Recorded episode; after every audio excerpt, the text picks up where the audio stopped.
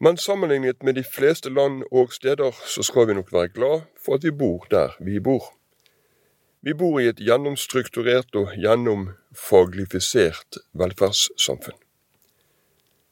Det finnes spesialister på det meste, og det finnes en yrkestittel for omtrent hver eneste lidelse et menneske er i stand til å pådra seg.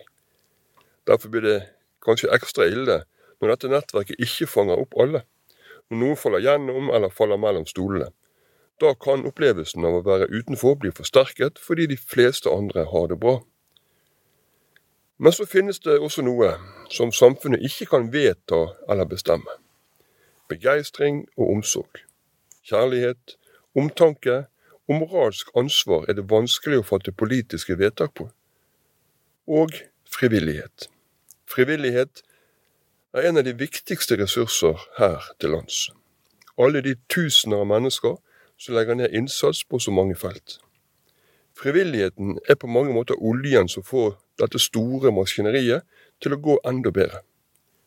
Skulle frivilligheten falle bort, så er jeg redd for konsekvensene.